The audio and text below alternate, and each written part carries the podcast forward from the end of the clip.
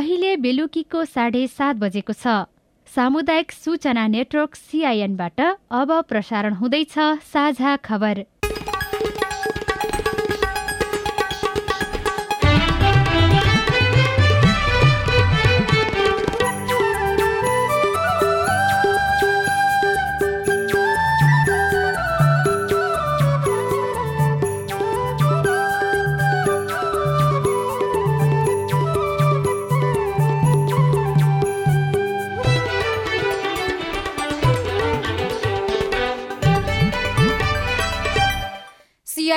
साझा खबरबाट सोभिता रिसालको नमस्कार। साझा खबर देशभरिका सामुदायिक radio CIN Khabar dot com र मोबाइल एप सिआइएनमा पनि सुन्न सकिन्छ।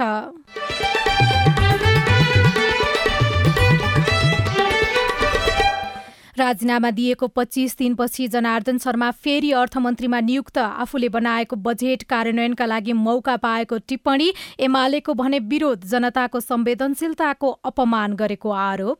यो संसद र जनताप्रतिको अपमान हो। सिसिटिभी फुटेजको तिन महिने कार्यविधि पालना नगरेर सबै दोषी छन् भन्ने कुरा त सबैले भनेकै छन्। पार्टीमा समन्वय गरेर मात्रै काम गर्न विभागीय प्रमुखहरूलाई एमाले अध्यक्ष ओलीको निर्देशन कानून बमोजिम नमिल्ने व्यक्तिलाई सदस्यता नदिन दललाई निर्वाचन आयोगको आग्रह अन्यथा कारवाही गरिने देशभर दुध उत्पादन बढ्यो। दुधमा आत्मनिर्भर हुनु भनेको दुधको उत्पादन बढाउने हो। कार्य बिस्तारै पशुको चाहिँ व्यवस्थापन सुधार हुन्छ। आत्मनिर्भरताको लागि चाहिँ सहजीकरण गरेको अवस्था छ। महानगरपालिकाका लागि छुट्टै ऐन निर्माण गर्नुपर्नेमा मेयरहरूको जोड। यो वर्ष भारतमा सोह्र अर्ब रुपियाँको बिजुली बिक्री गर्ने विद्युत प्राधिकरणको लक्ष्य। मनसुन सक्रिय तीन दिन लगातार पानी पर्ने सम्भावना। बाढी पहिरोको जोखिम भएकाले सचेत रहन आग्रह। पहाडी भूभागमा बसोबास गर्नुभएका र यो खोला नदी किनार नजिक बस्नुभएका जनताहरूले चाहिँ अब अलिकति चाहिँ सचेत हुनुपर्ने देखिन्छ। र बिस वर्ष मुनिको साफ च्याम्पियनसिप फुटबलमा नेपालले आज भारतसँग खेल्दै अमेरिकी सभामुख पलोसीलाई जापानबाट विमान मार्फत ताइवान लैजाने तयारी चीन भने रुष्ट।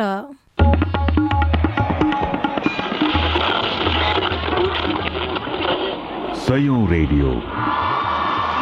हजारौं रेडियो कर्मी। र करोडौं नेपालीको माझमा यो हो सामुदायिक सूचना नेटवर्क सिआइएन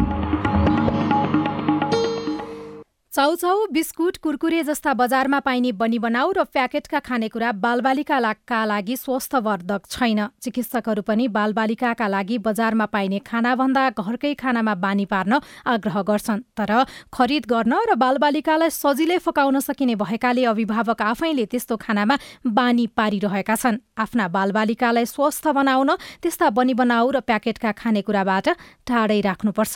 अब खबर अविनाश आचार्यबाट। राजीनामा दिएको पच्चिस दिनपछि माओवादी केन्द्रका नेता जनार्दन शर्मा फेरि अर्थमन्त्रीमा नियुक्त हुनुभएको छ। बजेट निर्माणमा अनधिकृत व्यक्तिको प्रवेशलाई लिएर प्रश्न उठेपछि छानबिनमा सहयोग गर्ने भन्दै शर्माले राजीनामा दिनुभएको थियो। यस विषयमा छानबिन गर्न गठित संसदीय छानबिन समितिले पनि पर्याप्त प्रमाण नभेटिएको निष्कर्ष पेश गरेपछि उहाँलाई पुनः अर्थमन्त्रीमा नियुक्त गरिएको हो। पार्टीको निर्णय अनुसार अध्यक्ष प्रचण्डले आज बिहान प्रधानमन्त्री शेरबहादुर देउवालाई भेटेर शर्मालाई अर्थमन्त्री बनाउन सिफारिस गर्नुभएको थियो। सोही अनुसार राष्ट्रपति विद्यादेवी भण्डारीले उहाँलाई अर्थमन्त्री नियुक्त गर्नुभएको हो। शर्माले आजै शपथ लिएर जिम्मेवारी पनि सम्हाल्नु भएको छ। साँझ सिंहदरबार स्थित अर्थ मन्त्रालयमा पदभार सम्हालेपछि आयोजित कार्यक्रममा मन्त्री शर्माले आफूले बनाएको बजेट कार्यान्वयनका लागि मौका पाएको टिप्पणी गर्नुभयो। उहाँले नेपालको अर्थतन्त्रलाई सुदृढ गर्ने र आत्मनिर्भरताको दिशामा लैजाने प्रतिबद्धता व्यक्त गर्नुभयो। उहाँले गत वर्षको बजेट कार्यान्वयनको समीक्षा गर्दै अघि बढ्ने बताउनुभयो। विभिन्न युद्धका कारणले जुन खालको समस्याहरू अर्थतन्त्रमा देखिरहेको छ यस्तो परिस्थितिमा हामीले हाम्रा देशको अर्थतन्त्रलाई सबलीकरण गर्नुपर्ने आवश्यकता छ। मैले अघि भनेका सिद्धान्त र सो सिद्धान्तमा निर्मित बजेटले त्यो दिशातिर लैजाने हाम्रो विश्वास छ। त्यसलाई कार्यान्वयन गरेर नेपालको अर्थव्यवस्थालाई सुदृढ गर्ने र आत्मनिर्भरताको दिशातिर अगाडि लैजाने प्रतिबद्धता म यहाँ समक्ष दोहोऱ्याउन चाहन्छु। तर नेकपा एमाले भने शर्मालाई अर्थमन्त्रीमा पुनर्नियुक्ति गरेर प्रधानमन्त्री शेरबहादुर देउबा र माओवादी केन्द्रका अध्यक्ष पुष्पकमल दाहालले जनताको संवेदनशीलतामाथि अपमान गरेको बताएको छ। सिआइएनसँग कुराकानी गर्दै एमाले नेता खगराज अधिकारीले शर्माको बारेमा गम्भीर प्रश्न उठ्दा उठ्दै पुनः नियुक्ति गर्नु गलत भएको बताउनुभयो। यो संसद र जनताप्रतिको अपमान हो। संसदमा सर्वसम्मत रूपमै सिसिटिभी फुटेजको तिन महिने कार्यविधि पालना नगरेर फौजदारी संहिता आकर्षित भएको हुन्छ। त्यसमा अर्थमन्त्री सचिव सबै दोषी छन् भन्ने कुरा त सबैले भनेकै छन्। त्यसो हुँदा हुँदै उहाँलाई नै नियुक्ति गरेर अब शेरबहादुरजी सामान्य प्रधानमन्त्री र प्रचण्डजीले जे खेल्ने उडाउनु भयो लोकतन्त्रको संविधानको संसदको यो यो चाहिँ बडा जनताप्रतिको घोर अपमान हो। उहाँ आज अर्थमन्त्रीमा नियुक्त हुँदै गर्दा तपाईँहरूको पनि पार्टीको बैठक थियो। बैठकले अब कसरी जाने के गर्ने भन्ने केही निर्णय गर्यो? संसदीय व्यवस्था लोकतन्त्र संविधान र व्यवस्थाप्रतिको आकर्षण प्रश्न चिन्ह खण्डित गर्ने गरी भएको छ। त्यसलाई बल पुर्याउने काम भएको कुरा र अनि फेरि पनि अनियमित कार्यका निम्ति प्रोत्साहन गर्ने काम जो भइरहेको छ त्यसको हामी विरोध र खण्डन गर्छौँ। अरू कुरा त अब हामी बैठक बसेर गरौँला अहिले तपाईँलाई म व्यक्तिगत रूपमा केही भन्दैन। सिआइएनसँग कुराकानी गर्दै माओवादी केन्द्रका नेता देव गुरुङले भने यसमा विरोध गर्नुपर्ने कुनै कारण नभएको दावी गर्नुभयो। पहिले अर्थ मन्त्रालयमा उहाँलाई पठाएकै हो। अब पार्टीले फिर्ता गरेको होइन। उहाँले राजीनामा दिनुभएको हो त्यस कारणले गर्दाखेरि प्रधानमन्त्रीले जहिले नियुक्ति गर्न चाहे उहिले त नियुक्ति त गर्न सक्ने कुरा भयो। अहिले चाहिँ जसरी यो घटनाक्रमको विकास भयो त्यो हिसाबले चाहिँ अलिकति नैतिकता पार्टीले देखाएन कि भन्ने प्रश्नमा चाहिँ तपाईँको जवाब के छ? छानबिन समितिले जे भनेको छ अब अनाधिकृत पात्र प्रवेश गरेको हो कि बजेट निर्माणमा भन्ने थियो के अरे? त्यो चाहिँ त्यस्तो देखिएन त्यो प्रवेश गरेको पाइएन भनेर चाहिँ छानबिन समितिले रिपोर्ट दिएपछि त चाहिँ अरू त थप त के हुन र त? तर नैतिकताको प्रश्न इमान्दारिताको प्रश्न उठेको थियो एउटा खालको जनमत थियो जो विपक्षीमा थियो त्यसको कदर त कतै पनि भएको देखिएन नि होइन? अब के को आधारमा नैतिकता भनेर भन्ने होइन? नैतिकताको मापदण्ड के नैतिकताको परिभाषा के गल्ती गरेको हो कि होइन भन्ने कुराको बारेमा चाहिँ क्वेसन उठ्या हो। अहिलेसम्मको अनुष्ठानको आधारमा प्रवेश गरेको भेटिएन भनेर भनेको छ। नभेटेको कुराको बारेमा त भेटियो भनेर चाहिँ भन्ने कुरो त भएन तर माओवादी केन्द्रसँग चाहिँ जनार्दन शर्माको विकल्पहरू थिएनन् र जस्तो कि देव गुरुङ हुन सक्नुहुन्थ्यो वर्षमान पुन हुन सक्नुहुन्थ्यो थुप्रै नामहरू यस्ता छन्। त्यो विकल्प माओवादीले दिन किन नसके त्यो त त्यो त पार्टीले निर्णय गरेर उहाँलाई पठाउने भनेर निर्णय गरिसकेपछि त तपाईँको चाहिँ फिर्ता गर्ने भनेर निर्णय त गरेका थिएन नि त। नेकपा एमालेका अध्यक्ष केपी शर्मा ओलीले पार्टी केन्द्रीय विभागका प्रमुख उपप्रमुखहरूलाई पार्टी कमिटीमा समन्वय गरेर मात्रै काम गर्न निर्देशन दिनुभएको छ। आज पार्टी कार्यालय च्यासलमा बसेको एमाले केन्द्रीय विभागका प्रमुख उपप्रमुख र सचिव सहभागी बैठकको समापन गर्दै अध्यक्ष ओलीले यस्तो निर्देशन दिनुभएको हो। अध्यक्ष ओलीले सबै विभागहरूलाई विषय केन्द्रित भएर सक्रिय हुन विज्ञहरूसँग परामर्श लिन तथा गर्ने कामको रोस्टर बनाएर अघि बढ्न र सरकारका गलत काम कारवाही विरुद्ध खरो रूपमा उत्रन निर्देश निर्देशन दिनुभएको हो। निर्वाचन आयोगले संविधान तथा कानून बमोजिम राजनैतिक दलको सदस्यता लिन नमिल्ने व्यक्तिले कुनै सदस्यता लिए वा राजनैतिक दलले सदस्यता दिए कारवाही गर्न सरकारवाला निकायलाई निर्देशन दिएको छ। प्रदेश र संघीय निर्वाचनको चर्चा चलिरहेका बेला सदस्यता वितरणका सम्बन्धमा भइरहेका विभिन्न टिका टिप्पणीप्रति निर्वाचन आयोगले आफ्नो ध्यानकर्षण भएको बताएको छ। अयोग्य व्यक्तिलाई दलको सदस्यता दिए प्रचलित कानून बमोजिम कारवाही गर्न नेपाल सरकार प्रधानमन्त्री तथा मन्त्री परिषदको कार्यालय मार्फत नेपाल सरकार प्रदेश सरकार र स्थानीय तहलाई निर्देशन दिएको हो। निर्वाचन आयोगले संस्थाको बहालवाला प्राध्यापक शिक्षक वा कर्मचारीको पदमा बहाल गरेको व्यक्ति तथा कुनै सार्वजनिक पद धारण गरेको कारणबाट संविधान तथा कानून बमोजिम राजनैतिक दलको सदस्य हुन अयोग्य रहेको व्यक्ति कुनै राजनैतिक दलको सदस्य हुन नसक्ने बेहोराको जानकारी गराउँदै यस्तो निर्देशन दिएको आयोगका प्रवक्ता शालिग्राम शर्मा पौडेलले सिआइएनसँग बताउनुभयो। कानुनले योग्य हुने व्यक्तिलाई मात्रै राजनीतिक दलको सदस्य बनाउन भनेर राजनीतिक दलहरूलाई निर्देशन दिएको विषय हो। भने अब यदि त्यस्तो कानुन विपरीत कुनै सङ्घीय सरकार प्रदेश सरकार वा स्थानीय सरकार वा ती सरकारको स्वामित्वमा रहेका सङ्घ संस्थानहरूका पदाधिकारी कर्मचारी शिक्षक प्राध्यापक कसैलाई चाहिँ सदस्य बनाएको छ भने कानुन बमोजिम कारवाही गर्न नेपाल सरकारलाई आयोगले निर्देशन दिएको विषय हो।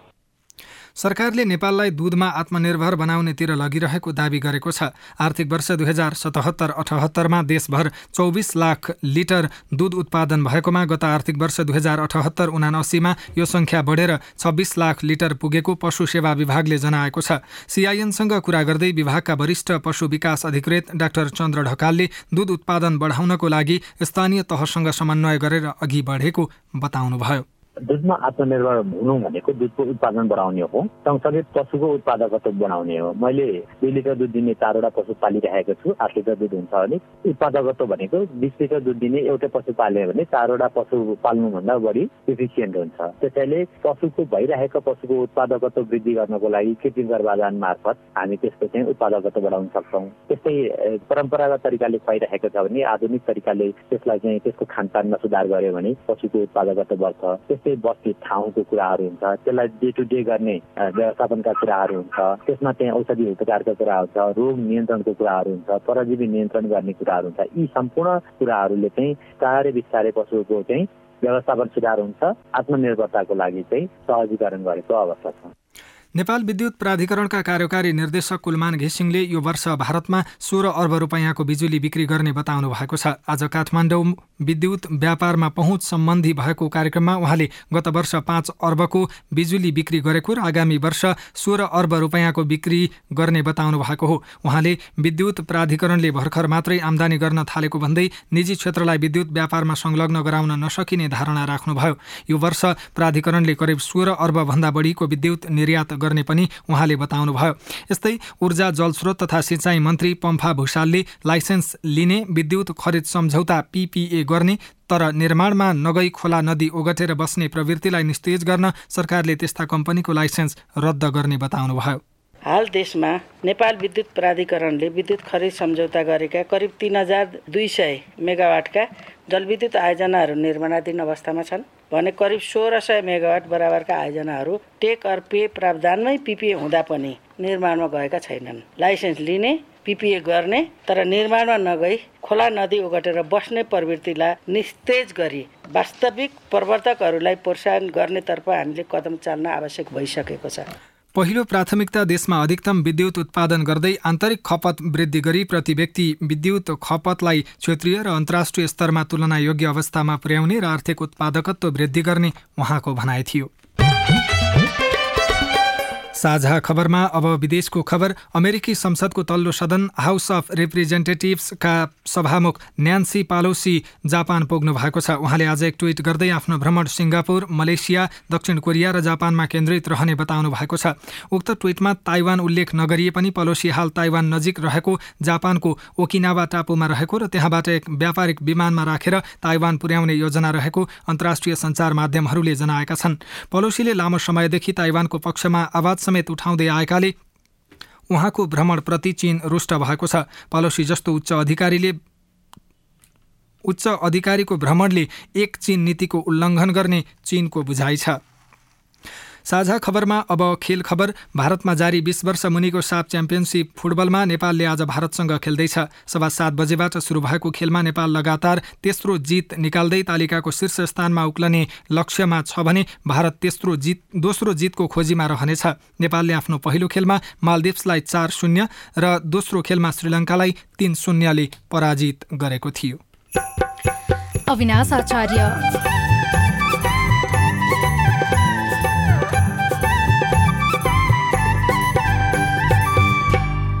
पाल्पा रामपुर रामपुरको चिन्ते छाङदी झरनामा पर्यटकीय गतिविधि बढ्यो। यसको सौन्दर्यकरणको लागि के गर्न सकिन्छ र यसमार्फत स्थानीय समुदायको आमदानीलाई कसरी वृद्धि गर्न सकिन्छ यसको सौन्दर्यकरणका कार्यक्रमहरू गरिएको छ। पर्यटन मार्फत आर्थिक समृद्धिको अपेक्षा रिपोर्ट कोरोना र यसको खोपबारे चलेका हल्ला अनि मङ्कीपक्सबारे बालबालिका र युवाको प्रश्नमा विज्ञको जवाफ विशेष श्रृङ्खला हाम्रो पालो बाँकी नै छ। सिआइएनको साझा खबर सुन्दै गर्नुहोला। बालबालिकालाई लगाउँदै गरेको खोपमा चाहिँ बालबालिकाहरू कहाँ गएर लगाउनु पर्ने र खोप लगाउन जाँदा के के लिएर जानु पर्ने त्यसबारे बताइदिनुहोस् न।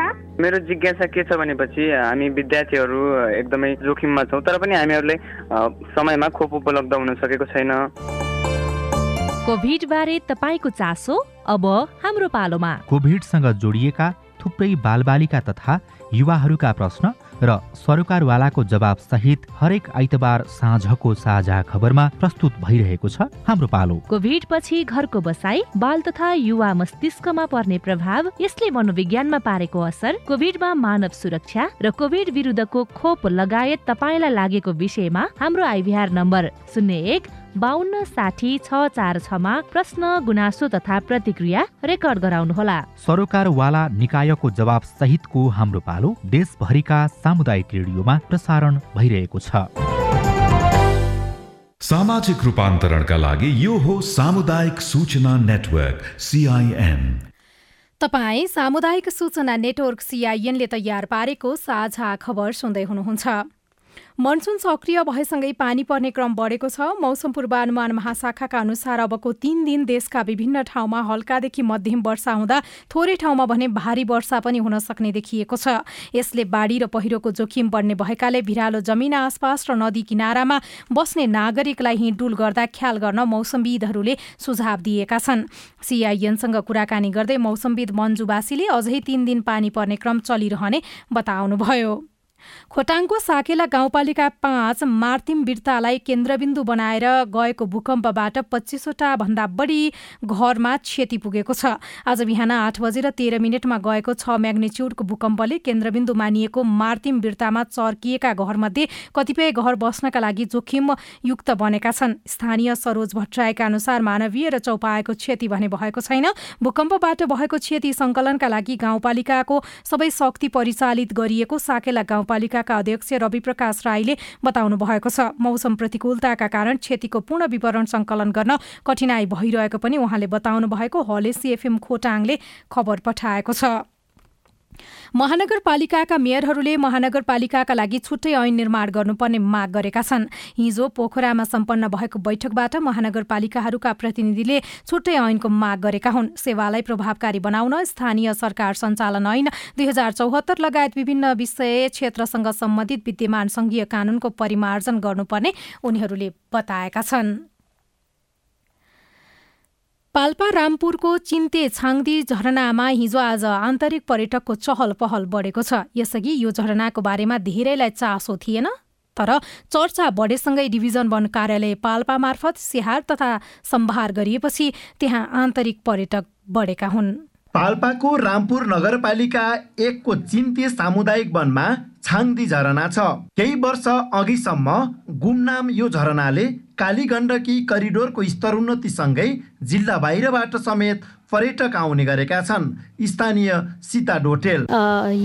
यो झरना चाहिँ पहिल्यैदेखि थियो भनेर हाम्रो बुवा आमाहरूले पनि भन्नुहुन्छ होइन? दैनिक अहिले यो रामपुर बजारको नजिकै र करिडोरको एकदमै नजिकमा भएको हिसाबले चाहिँ दायाँ बायाँ सडक हुँदै हिँड्नेहरू र बजार क्षेत्रका मानिसहरू चिसोमा अलिकति पानीमा दुईवटा बच्चाको र ठुलो मान्छेको लागि दुईवटा पौडी खेल्न पनि त्यो स्थल बनेको हुँदा चाहिँ यहाँ आउनेहरू एकदमै सङ्ख्या बढ्दै गएको डिभिजन वन कार्यालय पाल्पाले सात लाख रुपियाँको लगानीमा झरना भएको क्षेत्रमा पौडी पोखरी बाटो आकर्षक काठको रेलिङ सहित बालबालिकाको लागि पौडी खेल्ने ठाउँ सेल्फी स्टेसन लगायतका संरचना थपिएको छ। चिन्ते सामुदायिक वनका अध्यक्ष किम बहादुर नेपाली।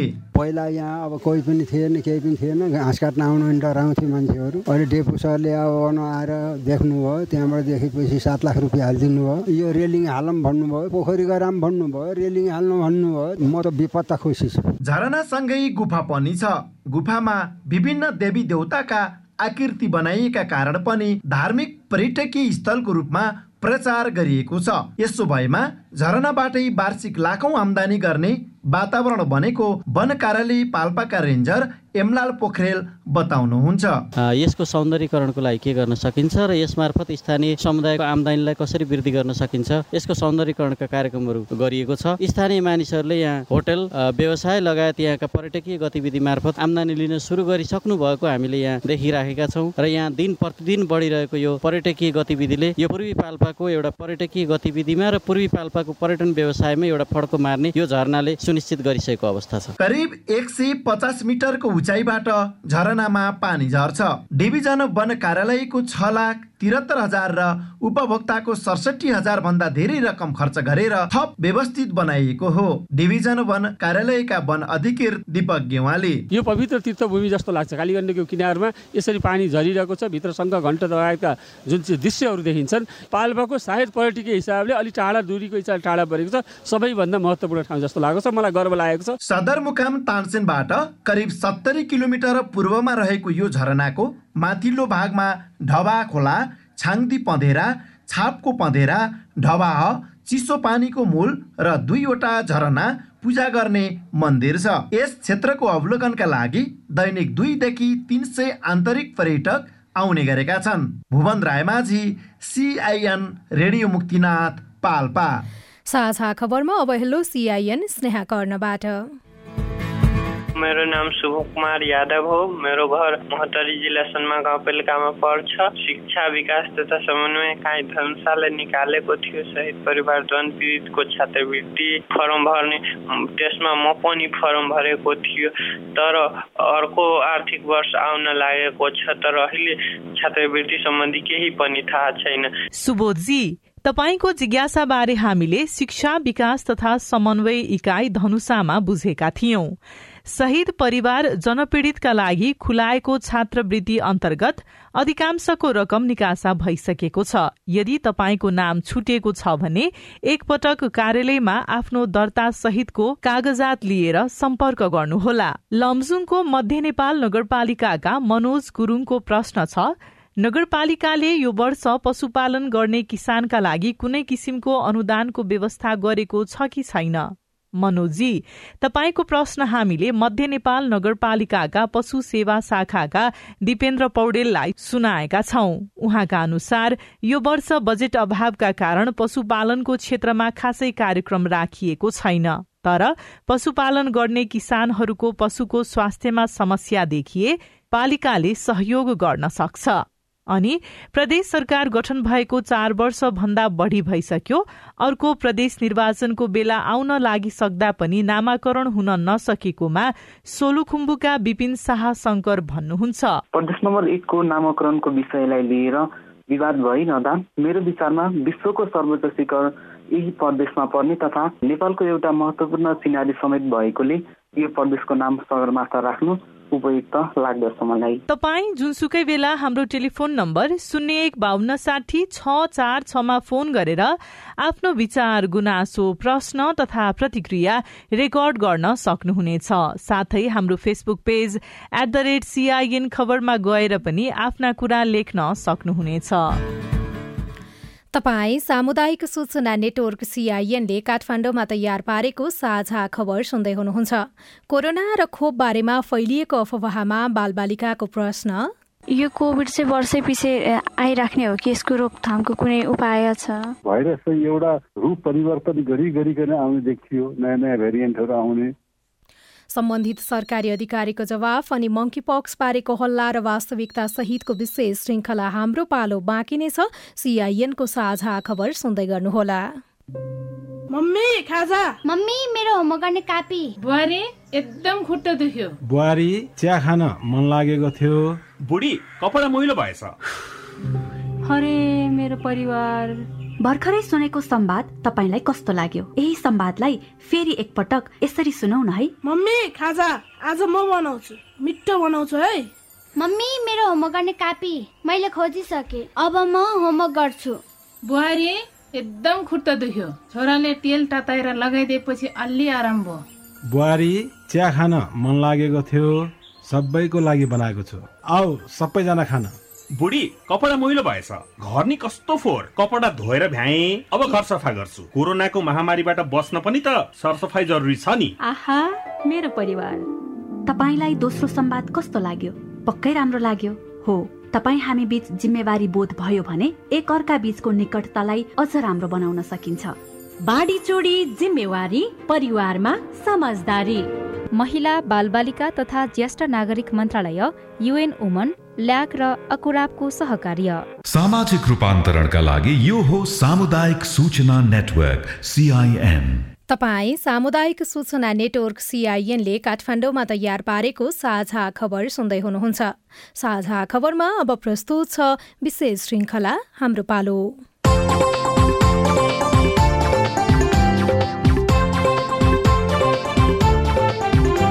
नमस्कार म सुशीला हाम्रो पालोमा हामी कोभिड लगायत अन्य विपत्तिमा बाल सुरक्षा बाल अधिकार लगायत किशोर किशोरी र युवाहरूको प्रश्न लिँदै त्यसको उत्तर खोज्ने प्रयत्न गर्नेछौ।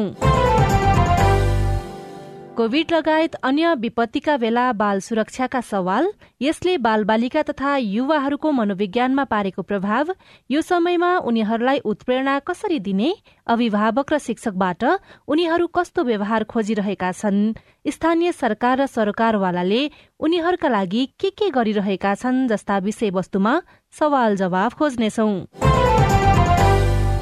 आज हामी हाम्रो पालोको उनासाठीौं खण्डमा छौं। पछिल्लो समय नेपालमा कोरोना संक्रमणको दर बढ़िरहेको छ। सरकारले दुवै मात्रा खोप लगाएकालाई थप अतिरिक्त मात्रा खोप लगाउन र खोप नलगाएकाहरूलाई खोप लगाउन अनुरोध गरेको छ। आज हामी हाम्रो पालोको शुरूआतमा कोरोना भाइरस र खोप बारे फैलिएका अफवाहबारे बाल बालिकाको सवाललाई समावेश गर्दैछौ जसको जवाफ दिँदै हुनुहुन्छ राष्ट्रिय खोप सल्लाहकार समितिका अध्यक्ष डाक्टर रमेश कान्ता अधिकारी। नमस्कार मेरो नाम सुजता हो। म चाहिँ अहिले नयाँ बजारमा बस्छु अनि हामीले चाहिँ यो कोरोनाको खोप लगाउँदाखेरि विभिन्न रुमरहरू सुनिरहेका हुन्छौँ त्यसमा चाहिँ अहिले हामी महिलाहरूमा चाहिँ मिसनेसनको समयमा चाहिँ कोरोनाको खोप लगाए पश्चात चाहिँ धेरै रक्तस्रावहरू भइरहेको भन्ने के यो साँचो हो भन्ने कुरामा मेरो जिज्ञासा रहेको छ धन्यवाद नयाँ कुरा हो। यस विषयमा सम्भावना छ भन्ने कुराहरू आइराखेको छ। तर महिनावारीमा कस्तो असर गर्छ भन्ने बारेमा चाहिँ पहिला अहिले अब किनभने नयाँ खोप हो त्यस कारणले यसका असरहरू के हुन्छन् भन्ने बारेमा पछि थाहा हुँदै जाने हुनाले यस विषयमा चाहिँ अहिले अलिकति जानकारी जम्मा गरिँदैछ। पुरा कतिसम्म हो कतिसम्म चल्छ साँच्चै हो कि? अथवा कहीँ केहीमा मात्रै देखियो कि भन्ने सबै स्पष्ट त छैन तर तपाईँले भनेको कुरा ठिक हो। यसले महिनावारीमा के असर गर्छ भन्ने चाहिँ चिन्ता चाहिँ भएको छ। नमस्कार मेरो नाम रञ्जना गाइघाटबाट कोभिड विरुद्धको खोप लगाइसकेको मान्छेहरूलाई चाहिँ फेरि कोभिड हुँदाखेरि पहिलाकै जत्तिकै जोखिम हुन्छ कि हुँदैन भन्ने एउटा क्वेसन छ नि अर्को चाहिँ यो कोभिड चाहिँ वर्षै पछि आइराख्ने हो कि यसको रोकथामको कुनै उपाय छ? दुईटा कुरा। एक त कोभिड भएको भ्याक्सिन लगाएको मान्छेमा कोभिड अलि कम गम्भीर हुन्छ त्यो सिरियस हुँदैन। रोग बढी हुने अथवा मृत्यु पनि हुन सक्ने सम्भावना नलगाएको मान्छेमा बढी छ धेरै बढी छ। त्यो चाहिँ हो। र अर्को कुरा कोभिडको भ्याक्सिन लगाएको व्यक्तिहरूमा कोभिड भयो भनेदेखि रोगका लक्षणहरू पनि कम हुन्छन्। त्यो चाहिँ निश्चित छ। र खोप लगाएको व्यक्तिले अरूलाई रोग सार्छै सार्दैन भन्ने बारेमा चाहिँ कस्तो थाहा भइसकेको छैन। र अर्को प्रश्न यो चाहिँ कस्तो छ भनेदेखि अब यो भाइरस हो। भाइरस चाहिँ एउटा रूप परिवर्तन गरी गरिकन आउने देखियो नयाँ नयाँ भेरिएन्टहरू आउने। यो भेरिएन्ट आउने चाहिँ भाइरसहरूमा चाहिँ धेरै देखिन्छ। जस्तै इन्फ्लुएन्जा भन्ने जुन रोग छ त्यो नाइन्टिन ट्वेन्टी टूमा त्यो बेलामा भएको सय वर्ष पुरानो रोग पनि अहिले पनि जुन हामी इन्फ्लुएन्जाको खोप छ हरेक वर्ष दिन्छौँ। त्यो खोप हरेक वर्ष नयाँ बनाइन्छ। त्यसलाई सायद यो कोभिड पनि त्यस्तै किसिमको डिजिज भएर जान्छ कि भन्ने हाम्रो सोचाइ छ। त्यस कारण यस विषयमा कोभिडको भाइरसहरूको बारेमा प्रजातिको बारेमा सतर्क भएर जानकारी लिइराख्नुपर्ने कारण चाहिँ त्यो हो। नमस्कार मेरो नाम आरुषि म कक्षा आठबाट कति वर्षको बालबालिकालाई कोभिड नाइन्टिनको खोप लाउन मिल्छ? अहिले हाम्रो देशमा चाहिँ पाँच वर्ष माथिको पाँच वर्ष पुरा गरेका व्यक्तिहरूलाई चाहिँ बच्चाहरूलाई खोप लगाउन सुरु गरिएको छ। तर अब अहिले अमेरिकातिर नयाँ भ्याक्सिनको यो कतिको सुरक्षित छ यसले कतिको काम गर्छ भन्ने अध्ययनहरूले चाहिँ अब छ महिनादेखिकै बच्चाहरूमा पनि दिन सकिन्छ कि भन्ने जस्तो देखिराखेको छ। हामीहरूले चाहिँ अहिले पाँच वर्षभन्दा कमको लागि चाहिँ नेपालमा आएको छैन। धन्यवाद। राष्ट्रिय खोप सल्लाहकार समितिका अध्यक्ष डाक्टर रमेश कान्ता अधिकारीलाई। कार्यक्रममा अब भने मंकी पक्ष सम्बन्धी सवाल। जवाफ दिँदै हुनुहुन्छ स्वास्थ्य तथा जनसंख्या मन्त्रालयका प्रवक्ता डाक्टर समीर कुमार अधिकारी। नमस्ते सबैलाई मेरो नाम अम्बिका दाङबाट बोलेकी मङ्की पक्स भाइरसबाट बस्नको लागि के के गर्नुपर्छ त? यो प्रश्नको एन्सर दिनुहोला। धन्यवाद बहिनी। राम्रो जिज्ञासाका लागि यो भन्न मङ्की पक्स भने पनि मङ्कीबाटै आउने खालको संक्रमण पक्कै पनि होइन। यो जङ्गली जनावरहरू विशेष त मुसाका प्रजातिहरूबाट आउन सक्ने भनिएको छ।